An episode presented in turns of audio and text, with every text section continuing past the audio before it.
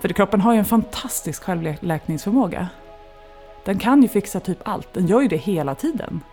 Vi har ju alla liksom lite pågående cancer i vår kropp jämt. Men om, om det är i balans liksom, då kan kroppen oftast hantera det. Så det, det stora jobbet var ju att ta bort alla hinder från att kroppen skulle kunna göra det den, det den är bäst på att göra. Det vill säga hitta balans.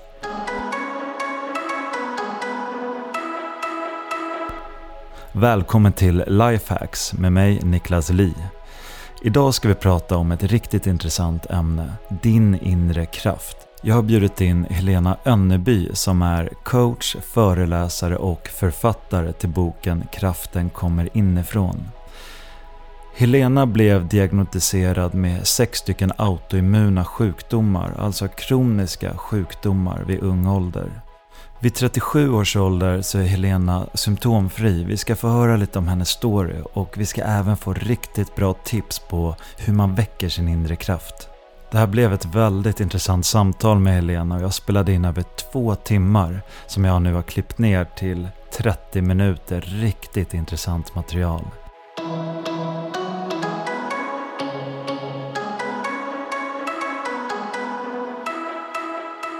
Jag tyckte din hälsoresa var väldigt fascinerande.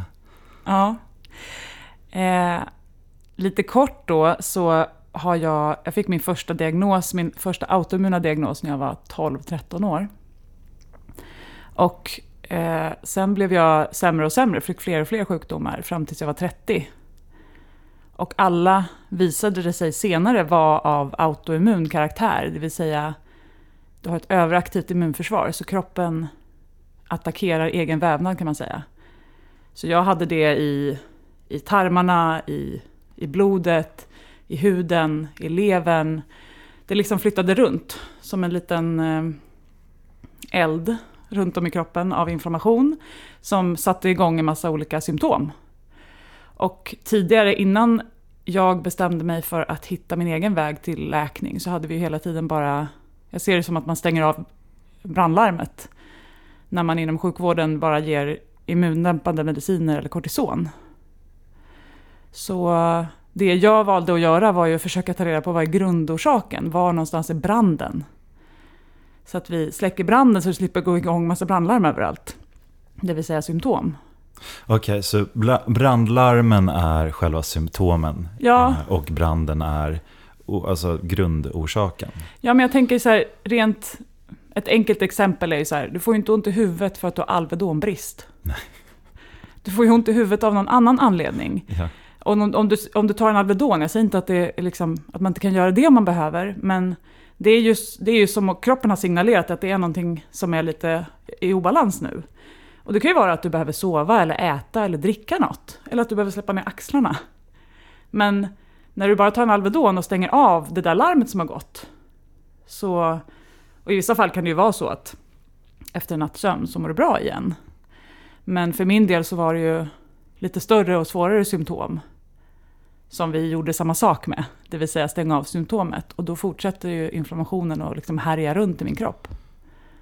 Så eh, det jag gjorde då var att hitta en funktionsmedicinskt inriktad person som kunde hjälpa mig att just ta reda på grundorsaken och jobba därifrån.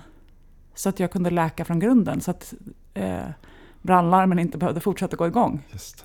Och jag kunde få ja, förstås en bättre livskvalitet. Liksom, och eh, slippa Och hur gick, det, hur gick det då? Det gick bra. Ja. Eh, det var ju förstås en... Eh, nu har jag varit symptomfri i över sju år. Så att, wow. eh, det var värt det. Och det förstod jag ju redan då. Jag, jag, jag, det var väldigt tydligt för mig att den här vägen var rätt. Jag, jag får väldigt tydlig, min intuition är ganska tydlig när jag är på rätt spår. Och när jag är på fel spår. Men den är tydlig generellt, så jag förstod ju att nu är jag något på, på spåren här. Så fortsätt den här vägen. Men från början så handlade det väldigt mycket om, jag har haft en föreläsning några gånger som heter Det började med maten. För det var mm. där vi började. Ta bort en massa olika födoämnen som vi trodde triggade min eh, alla de här symptomen och att, fort, ärgen, eller att elden fortsatte härja. Mm. Så att det vi gjorde först var att ta bort en massa födoämnen, eh, lägga till saker som kunde liksom läka min tarm och se över livsstilen generellt. Men, och då förstod, alltså då märkte jag ju ganska snart att inflammationstrycket eh, liksom gick ner i kroppen. Men jag lärde mig ju eftersom också, för den här livsstilen som jag började med då, den var ju väldigt extrem och krävde ganska mycket av mig. Så att det blev ju nästan en, en yttre, yttre stressor. Eh, och ytterligare press i början. Så att då behövde jag ju hitta verktyg, mentala verktyg och stressdämpande eh, aktiviteter som gjorde att jag hittade liksom en balans överhuvudtaget. I, alltså inte bara, för det handlar inte bara om vad du stoppar i det, utan det handlar ju också om hur, hur du mår inuti och hur dina tankar och känslor liksom matar på inflammation också. Så att eh, för mig blev det, det började med maten, men sen blev det ju lika mycket, och det är ju lika mycket träning att få ut kortisol, eh, alltså få ner kortisolnivåerna genom fysisk aktivitet, men också liksom yoga och meditation som gör att du aktiverar kroppens parasympatiska system. För kroppen har ju en fantastisk självläkningsförmåga. Den kan ju fixa typ allt, den gör ju det hela tiden. Vi har ju alla liksom lite pågående cancer i vår kropp jämt. Men om, om det är i balans, liksom, då kan kroppen oftast hantera det. Så det, det, stora jobbet var ju att ta bort alla hinder från att kroppen skulle kunna göra det den, det den är bäst på att göra. Det vill säga hitta balans. Så då var det ju väldigt mycket, eh, både ta bort eh, liksom fysiska, praktiska eh, triggers, men också mentala och känslomässiga. Så det blev liksom en... Och det är därför jag har skrivit boken också, för att, det, för att när folk frågar mig om den här resan så vill de veta, okej, okay, hur gjorde du med glutenet och hur gjorde du med sockret och hur ofta åt du det här? Liksom, vilka kosttillskott eller vad det nu är. Och det är ju det är en jätteviktig del, men väldigt liten del egentligen i det stora hela. Så att, eh, och, och också att hur... Om du har krig i ditt eget huvud, liksom, om du är otroligt elak mot dig själv i din tanke eller om du eh, är i krig med livet så spelar det inte så stor roll hur du mår rent fysiskt. Nej. Ska vi kliva in på lifehacksen nu? Ja. Ja. Då får du börja med eh, ditt lifehack. Mm. Mitt första lifehack är sätt dig i förarsätet. Och det handlar ju just om det, att inse att jag är ansvarig över mitt liv. Jag är ansvarig för mina tankar, jag är ansvarig för mina känslor, jag är ansvarig för hur jag agerar och för hur jag reagerar. Jag är inte ansvarig för hur andra människor tänker och känner, agerar och reagerar, men jag är ansvarig för mitt. Och i det ligger ju en enorm frihet också. Motsatsen är ju att vara offer. Mm. Alltså att sätta sig i världen bara drabbar mig och politikerna är fel och min chef är dum och jag har inga pengar och jag har ingen tid och jag har ingen liksom, ork och jag har ingenting. Liksom. Att utgå ifrån att eh, jag är ett offer för mina omständigheter. Men att välja att sätta sig i förarsätet och det var ju precis det jag, det var det som skiftade allt för mig. Att jag valde, okej, okay, jag har försökt delegera ansvaret för mitt liv till någon annan. Jag blir bara sämre och sämre. Det går åt fel håll om jag skulle prova att själv ta tillbaka ansvaret. Och förstås skaffa den hjälp jag behöver, men att det är jag som tar det slutgiltiga beslutet. Jag har liksom executive power. Hur skulle det eh, skifta? Och det, för mig skiftade ju det allt. Jag tänker på, det finns en bok eh, som heter A Man's Search for Meaning av Viktor Frankl. Mm, jag har inte läst den, Nej. men jag har skrivit ner den för du har tipsat om den förut Ja, men den är verkligen en sån riktig Eh, viktig bok, tänker jag, som många tror jag behöver läsa. För den handlar om, han var, var satt i koncentrationsläger under andra världskriget. Just. Förlorade allt, sin familj och alla sina ägodelar och var fast där under lång tid. Och han, någonstans mitt i den här misären och traumat, vilket det förstås var, så insåg han att vad som än händer mig så kan jag välja hur jag responderar på det. Han säger ett, ett liksom känt citat som jag inte är säker på att jag får helt rätt. Men Between stimulus and response, there is a space. Therein lies your freedom. Alltså det, mellan det som händer dig och hur du responderar, det finns det ett litet utrymme. Och det är där din frihet lever. Det är där du kan påverka. Det är där du kan förändra ditt liv. Mm, jag älskar Jag fick rysningar när jag sa det. Jag kände, det ja, men visst det är den bra. häftig? För Ja. det är ju just det. Och jag tar det som ett sånt extremt exempel. Mm. För om Victor kunde, under de omständigheterna. Och för honom var ju det att välja att förlåta dem som gjorde honom illa. Att välja att se solen på väg till sitt arbetsläger. Att välja att le mot en, en medfånge. Eh, det var de där små sakerna som gjorde att han pallade med och kunde komma ut på andra sidan. Han överlevde ju och kunde skapa sig ett rikt liv efter det här hemska han hade varit med om. Om han kan, under de omständigheterna, och att han då kunde få den till sig under de omständigheterna också. Att jag kan inte påverka den situationen jag är i just nu, men jag kan påverka hur jag responderar. Och genom att jag har påverkat det så, kan jag föränd- så förändras allt automatiskt. Och det är ju också en del av att sitta i förarsätet. Det vill säga, jag tar ansvar för det som jag kan påverka. Resten behöver jag ju hitta någon sorts acceptans till eller släppa taget om. Eller ibland kanske faktiskt ja, ta emot eller acceptera. Men det, det är ju så otroligt mycket som vi faktiskt kan påverka. Oavsett våra omständigheter. Nej, det är så bra.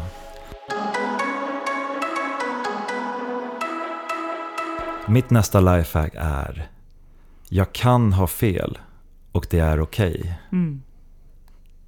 Det är Det kan vara ganska svår den tanken ibland. Men det är någonting som jag har försökt att verkligen öva på och stanna upp i många tillfällen och bara vänta nu. Det kan vara så att det är jag som har fel. Mm. Och om jag har fel, då är det helt okej. För man får ha fel. Mm. Och det här har räddat mig i så många situationer sedan jag började tänka på det här. Mm. Har du, har du tänkt någonting på den? Ja, men jag tänker det... Jag tänker att det sällan finns rätt eller fel.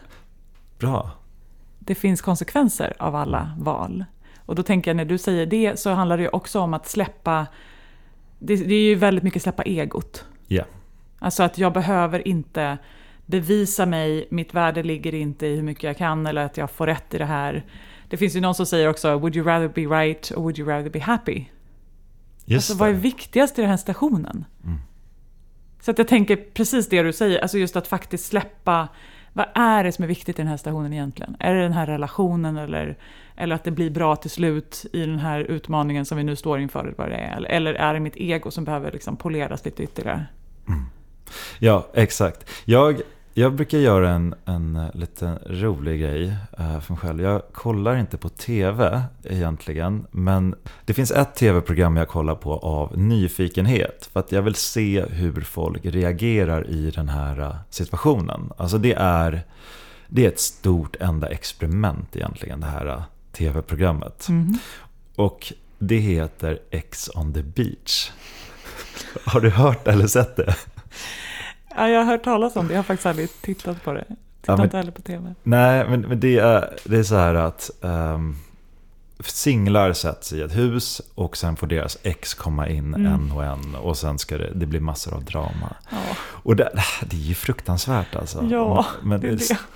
St- Stackars alltså, eh, personer som utsätter sig för det här. Mm. Men det som jag tycker är det intressanta är att alla konflikter som man ser där Mm. har att göra med egot Förstås. så tydligt att man ser det och att alla vill ha rätt. Mm. Men så fort det ibland så dyker upp någon person där man känner så här, men den här personen kan faktiskt släppa egot. Mm. Jag tror inte hen vet om det, men den här personen kan backa och släppa egot. Och helt plötsligt blir den här människan så fin. Mm. Och man bara känner att wow, den här personen behöver inte ha rätt i alla eh, diskussioner eller alla sceenden. Och det, det kan dyka upp en sån person i det där sammanhanget och man bara wow, vad gör du ens där? Ja. Eh, men det blir så tydligt i det här eh, huset eller i det paradiset som de befinner sig i. Mm. Hur mycket liksom egot och det här med att jag vill ha rätt, hur mycket det förstör för Ja. dem. Och hur jobbigt det är. Ja, Alltså för det är en kamp, då ska man ju kämpa hela tiden och särskilt då om man faktiskt kommer på att man, men, den där, det den där personen säger är ju ändå vettigt. Liksom. Och så ska man ändå liksom stå på sig och bara kämpa, kämpa, kämpa. Liksom. Och bara, släpp taget, det är okej. Okay. Ja. Jag, jag var på ett retreat för massa år sedan med Björn Natthik och Lindeblad. Det är faktiskt från han som jag har fått det här, jag kan, jag kan ha, fel. fel. Jag kan ja, ha fel, precis. jag kan ha fel. Tack Björn. Men eh, det är ju eh, just det mantrat, att faktiskt ta med sig det in i dagen också. Att inte bara just i den stationen, utan bara vara öppen för. Det är precis, alltså som jag tänker med, med mycket av det vi pratar om här, så här, jag, jag kan ha fel. Men jag har provat det här och det funkar för mig just nu. Prova på dig. Alltså, det, det är ju det, alltså att våga leva livet lite mer öppet. Eller liksom leva livet med en öppen handflata, att låta ja. en idé få landa och bo där ett tag. Och, och, om den, så länge den känns rätt så får den väl vara där. Men sen behöver jag kunna släppa också. Mm. Lika mycket i en konflikt som i, i hur jag lever mitt liv. Ja, precis. Stort och smått. Ett poddtips från Podplay. I fallen jag aldrig glömmer djupdyker Hasse Aro i arbetet bakom några av Sveriges mest uppseendeväckande brottsutredningar går vi in med hemlig telefonavlyssning och, och då upplever vi att vi får en total förändring av hans beteende. Vad är det som händer nu? Vem är det som läcker? Och så säger han att jag är kriminell, jag har varit kriminell i hela mitt liv men att mörda ett barn, där går min gräns. Nya säsongen av Fallen jag aldrig glömmer på Podplay.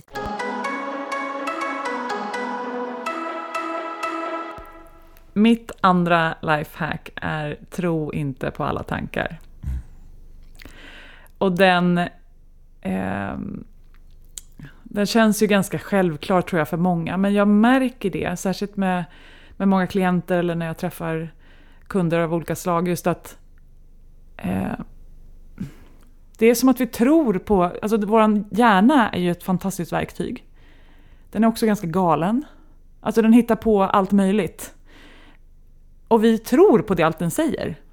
Om den säger att idag är jag en hemsk människa, så går vi ut i världen som att vi skulle vara det. Eller jag är världens bästa, så beter vi oss som att det också är sant. Fast det är fortfarande bara en tanke. Eh, jag tycker att det är intressant hur vi väljer att använda det här verktyget mellan våra öron.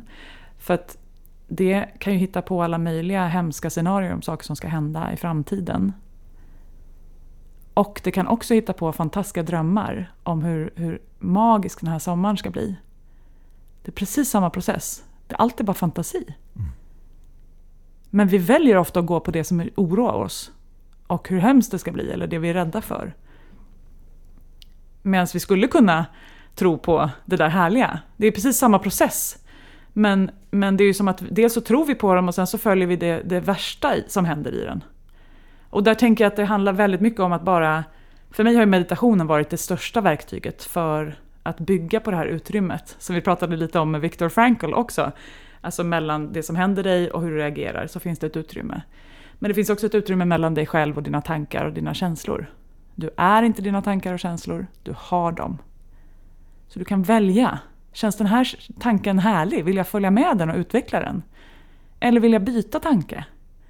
Men det är ju först, det första vi behöver göra för, för att testa det, det, eller lära oss det, det är ju att börja med att observera tankarna. Och det gör man ju ofta i meditation. Alltså det betyder inte, meditation tänker ju många att det handlar om att få tyst där uppe.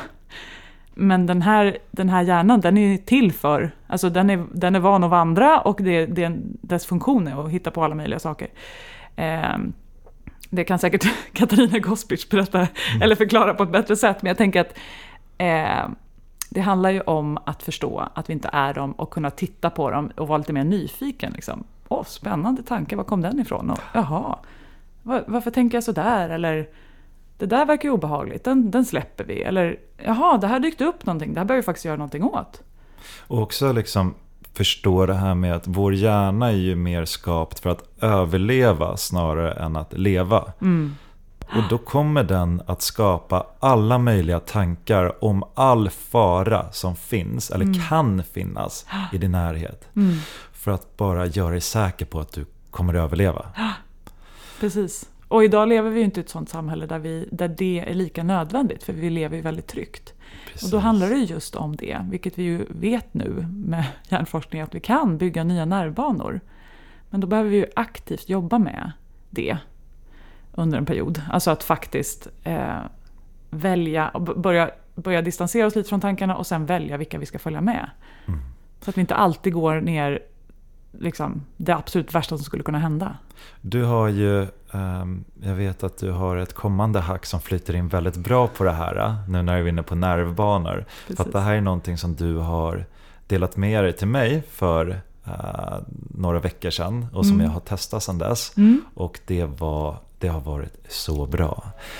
Och du, du får gärna gå in på det här så kan jag också fylla på med mer vad du berättade för mig sen. Just det.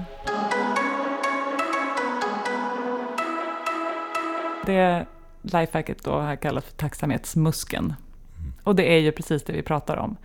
Har, vi har ett negativity bias, det vill säga det som söker faror, som gjorde att vi överlevde på steppen.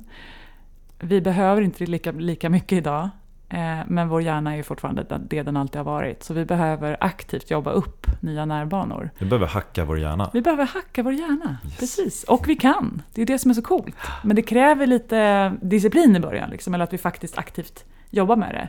Så för min del så var det ju, eh, när jag var, var väldigt sjuk eh, i perioder så var jag expert på att söka symptom. Och var väldigt uppmärksam på allting som var fel. För då behövde jag agera tänkte jag och nu, liksom. Eh, och så, så tänker jag att många har det oavsett livssituation. Liksom, att man, man, är så, man har sånt laserfokus på det som är problematiskt och det som inte funkar. Men att faktiskt aktivt jobba med sin tacksamhet gör ju att vi eftersom bygger upp nya närvanor. Och jag tror att det jag berättade för dig då, det var ju precis att jag hade varit någonstans och någon hade gått och jag stod kvar själv och jag bara upp, jag, jag noterade då att min hjärna när den inte hade någonstans att, att ta vägen eller något särskilt att tänka på, så gick den till tacksamhet. Det var det som var så häftigt när du berättade, för att jag tror att en, en vanlig hjärna som man inte har jobbat så mycket med tacksamhet, mm. uh, och, och jag hade inte jobbat så mycket med tacksamhet, då börjar min hjärna leta så här, men vad kan det finnas för problem eller fara eller vad är för oro att man liksom går åt den vägen. Ja, men, precis. men du berättar att din hjärna, när den får tystnad, då börjar den söka efter tacksamhet. Ja, och det är ju verkligen för att jag har övat och övat och övat dagligen i flera år. Ja. Jag vill inte säga att det är någon jättesvår grej att göra, för det, det som är häftigt är ju att när du börjar söka tacksamhet, din hjärna vill ju ha rätt, så den kommer ju sö fortsätta söka bevis mm. på att du har en massa saker att vara tacksam för. Och du har byggt upp de här nervbanorna Precis. i din, så du har motorvägar i ja. din hjärna som går raka vägen till tacksamhet. Ja, ja men det brukar man, man brukar ju likna det liksom med en djungelstig och en motorväg. Ja. Orosvägen för många är ju, det är autobahn liksom. Ja. Det går jättesnabbt att gå dit. Liksom. Medan tacksamhet, det är som en djungelstig och du behöver ta med dig machete och du behöver liksom tröska dig fram där. Och det är klart, då måste du aktivt välja den vägen. Eh, men eftersom du fortsätter att gå på den här djungelstigen så kommer den bli mer och mer upptrampad. Och autobahn kommer börja växa igen. Och så småningom så har du kanske en fyrfilig autobahn på tacksamhet. Och det är väl där, jag ska inte säga att jag alltid är där, men jag märker att min hjärna det är liksom dit den, när den, när den liksom ska vila eller inte har någonting att göra så hittar den liksom små, små saker. Och det kan ju vara, jag tror att det handlar väldigt mycket om, tacksamhet är ju att förstå att det inte allt måste inte vara perfekt för att du ska få känna tacksamhet. Oavsett hur ditt liv ser ut så finns det tusentals mer saker att vara tacksam för än att oroa dig för till exempel. Alltså just bara nu, här sitter vi liksom. Det, det är lite regnigt ute. Det är varmt och torrt här inne. Mm. Mina, min röst fungerar. Min hjärna liksom kan både hålla sig till, till något jag har tänkt innan men vara kreativ eh, mina naglar växer ut när de gått av. Det skulle göra skitont om de inte gjorde det. Och liksom, jag har en fin ring på fingret eller jag har vatten i ett glas. Jag får sitta här och prata med dig om något som jag tycker är jättespännande. Det här bordet är vackert. Liksom. Jag har kläder på kroppen. Jag har ett hem att gå hem till. Jag har människor som jag älskar och som älskar mig. Jag har, alltså, alla de här grejerna finns ju hela tiden. Sen visst, jag har också så här, jag skulle kunna skriva en lista på saker som jag skulle vilja förändra i mitt liv. Ja, det betyder inte att man behöver ignorera de sakerna. Men det, du är inte mer en ansvarsfull person för att du går och tänker på allt som inte funkar hela tiden. Det, det är jätteintressant det där. Jag har märkt att min djungelstig där med machete har börjat luckrats upp. Mm. Och nu kan jag faktiskt vandra Det är fortfarande en stig, men jag kan liksom gå där utan att behöva hugga ner massa djungel. Mm. Så att, snart kommer jag nog kunna börja jogga också. Ja, Och du vet, sen, sen blir cykeln, sen blir motor, motorcykeln. Sen sitter jag där med en eh, raket. eh, precis. Ja, men jag brukar tänka det ibland att jag bara, för det som är härligt, alltså jag, tänk, jag brukar säga till när man ska börja öva tacksamhet att det är tre viktiga saker liksom att komma ihåg i sin, sin practice. Liksom. Det ena är ju att komma på nya saker hela tiden. Så att vi inte bara säger jag är tacksam för mitt hem, jag är tacksam för min familj, jag är tacksam för min hälsa. Jag är tacksam för mitt hem, jag är, så här, utan att de här specifika sakerna. Jag är tacksam för att jag har rinnande vatten i kranen, jag är tacksam för att jag kan röra på min kropp, eh, ja, vad det nu är. Men liksom vara ganska specifik i det. Det är att känna på känslan. Inte bara skriva en lista som en checklista, utan att faktiskt när jag tänker på den här saken som jag är tacksam för, hur känns det i min kropp? Var bor tacksamheten? För det är ju det som gör Alltså dels att det skapar alla de här positiva hormonerna i kroppen, men sen också att det väldigt nice. Jag brukar säga att jag tar ett dopp i tacksamhetsjacuzzin. Ah, Att jag faktiskt liksom bara så här, för till slut så blir den här känslan så van för dig så att du faktiskt bara kan, du behöver inte tänka på några specifika saker utan du kan bara vila i tacksamhet. Och det är ju en väldigt nice grej. Jag tycker, jag, jag tycker det är lite spännande när man kör tacksamhetsgrejer nu, att gå in och vara lite så här... Alltså man vill inte, jag vill inte prata högt om min tacksamhetsgrej, jag vill vara lite så här smygtacksam över grejer. Och vara så här tacksam över saker som man normalt sett inte ens reflekterar över. Utan man kan gå in, nu vill inte jag göra det för att jag vill ju hålla dem för mig själv, så det är svårt att ge ett exempel. Men man går in på så små personlighetsdrag eller små, kan vara så här, ja men jag testar ett exempel, och nu stämmer inte just den här, men så här, jag är tacksam för min lilltå. För att den har en knorr på sig och nu har den inte det. Men man hittar lite så små udda saker som är lite hum- humoristiska. Ja. Så man känner så här, men det här är lite kul att vara tacksam över. Det här, det här ska jag vara tacksam över faktiskt. Ja, men jag tänker att det är ju just det här att vara specifik i det. För det, det är något som du förstår. Och det blir liksom härligt för dig. Det, det, jag tänker att det är det, sen när vi är tacksamma så blir vi ju liksom magneter för mer att vara tacksam för och vi sänder ju också ut väldigt mycket tacksamhet vilket gör att vi eh, både sprider den känslan men också eh, liksom drar till oss tacksamma människor på något sätt. Men det är ju just att hitta det som får oss att känna det vi vill känna. Jag märkte det, för det har jag också märkt att jag eh, också ger mer tacksamhet nu när jag börjar liksom öva med min egen tacksamhet. Jag märkte det i morse faktiskt, när jag, jag går upp mycket tidigare nu än Ellen, min eh, tjej. Och i, i morse så råkade jag börja rassla med garderoben, precis där hon ligger och sover. Och, och då vände hon sig om lite irriterat, för hon blir väckt liksom sex på morgonen typ. Och bara, men vad, vad håller du på och rasslar om nu? Så här, lite irriterat. Då hade ju en, så här, äh, en dålig respons kunde vara, men jag ska bara ha mina kläder, lugna dig, så somna om. Men då märker jag bara, utan att jag ens tänker på det, så bara äh, lägger jag mig bredvid henne och säger, nej men för att jag älskar dig. Ja, Och så pussar jag på henne istället. ja. Då blev hon jätteglad och somnade om. Ja. ja men det är ju verkligen, det är de där små, små sakerna. Där var vi ju igen då emellan det som händer dig och hur du responderar. Där bor din frihet. Just det. Det var ju där du ändrade riktning på det som skulle kunna ha hänt. Det kunde ha blivit något så här, bara irriterade kommentarer det första som hände på morgonen. Men du valde liksom att, okej, nu har jag en situation här. Hur kan jag göra det jag vill av den? Och så Ja. tog du makt över den situationen och, och gjorde en, en, något fantastiskt av det. Ja, precis. Och det bara hände. Jag, jag vet inte hur det gick till. Men, Nej. men hon kom ner sen när hon vaknade efter någon timme och var jätteglad och dansade ner. Liksom. Ja. Eh, Men annars hade hon säkert bara, men du kan inte hålla på med garderoberna på morgonen sen när jag sover. Nej. Men, Men det, det, bara- det är det som är grejen med hela det här. Vi fokuserar på oss själva och tar ansvar för det. För att när vi har fyllt på hos oss själva, då kommer det påverka människor runt omkring oss. Mm. Så det här är ju inte liksom för... Det finns inget själviskt i det.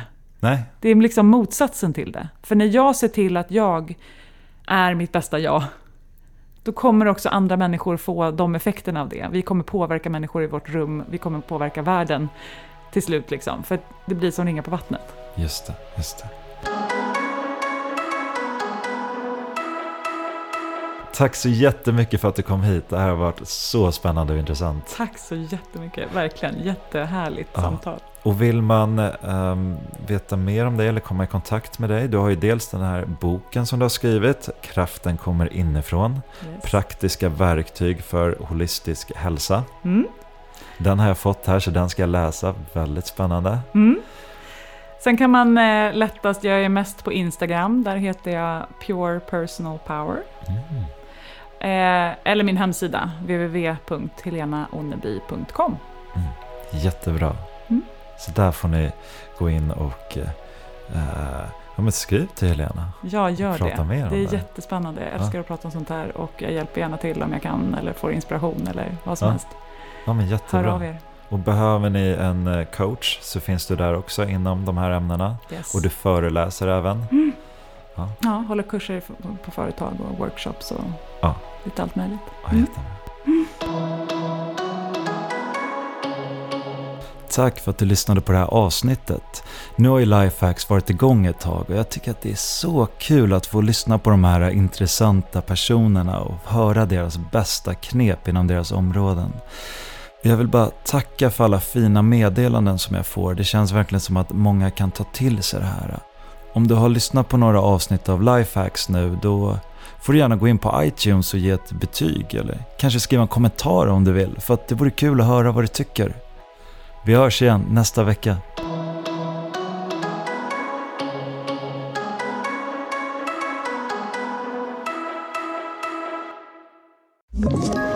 Ett poddtips från Podplay. I fallen jag aldrig glömmer djupdyker Hasse Aro i arbetet bakom några av Sveriges mest uppseendeväckande brottsutredningar.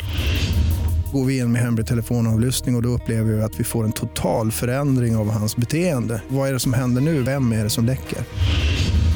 Och så säger han att jag är kriminell, jag har varit kriminell i hela mitt liv men att mörda ett barn, där går min gräns. Nya säsongen av Fallen jag aldrig glömmer på Podplay.